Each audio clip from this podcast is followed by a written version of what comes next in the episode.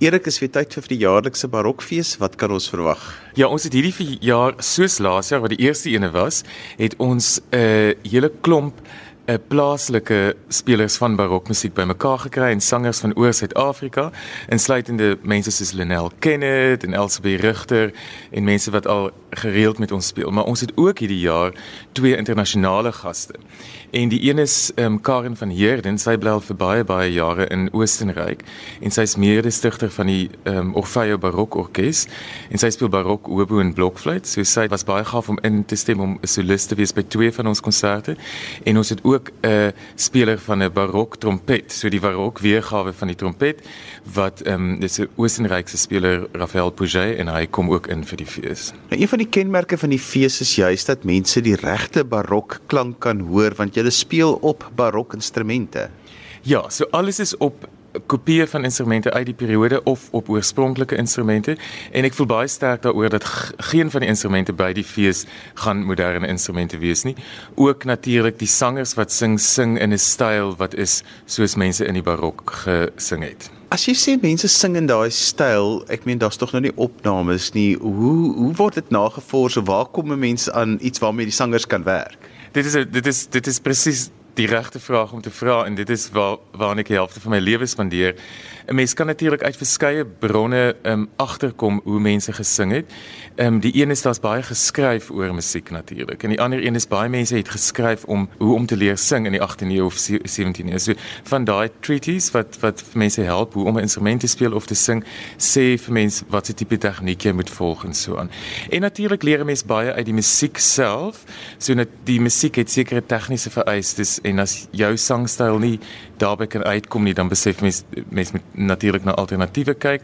En met instrumente het ons natuurlik die instrumente self uit die periode wat vir mense sê hoe om te speel. Maar ja, dit is maar soos hulle sê um informed guesswork en ek sal definitief een van my voortande gee om te kan hoor hoe musiek geklink het in 1720 of 1690 of wat ook al. As jy net so vir ons 'n bietjie insaag wil gee in wat is die uitdagings dan aan die sanger en hoe klink daardie tipe musiek en ook dan die sang spesifiek?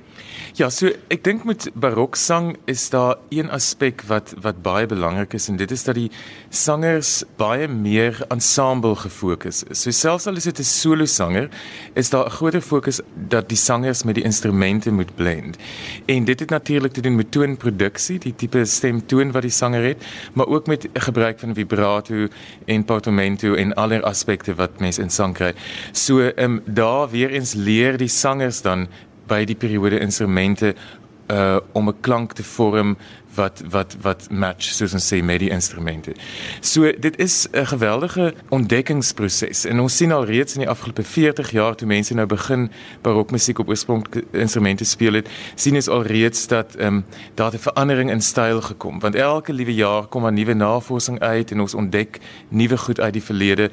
So dit is maar 'n proses, maar dit is 'n geweldige opwindende proses. En op 'n manier voel ek alhoewel dit ou musiek is waarmee ons besig is, veroorsaak daai aspek dat dit amper elke jaar nuut voel want dis nuwe nuwe goed en ook dikwels speel ons repertoire wat nie baie gespeel is nie of wat dalk nog nooit gespeel is nie. So dis amper soos nuwe musiek wat ons dan speel. Eers net so 'n paar van die hoogtepunte op die program waarna mense kan uitsien. Ja, so ons openingskonsert is eh, eh, is ek baie opgewonde oor. Ons doen die bekende Vivaldi Gloria.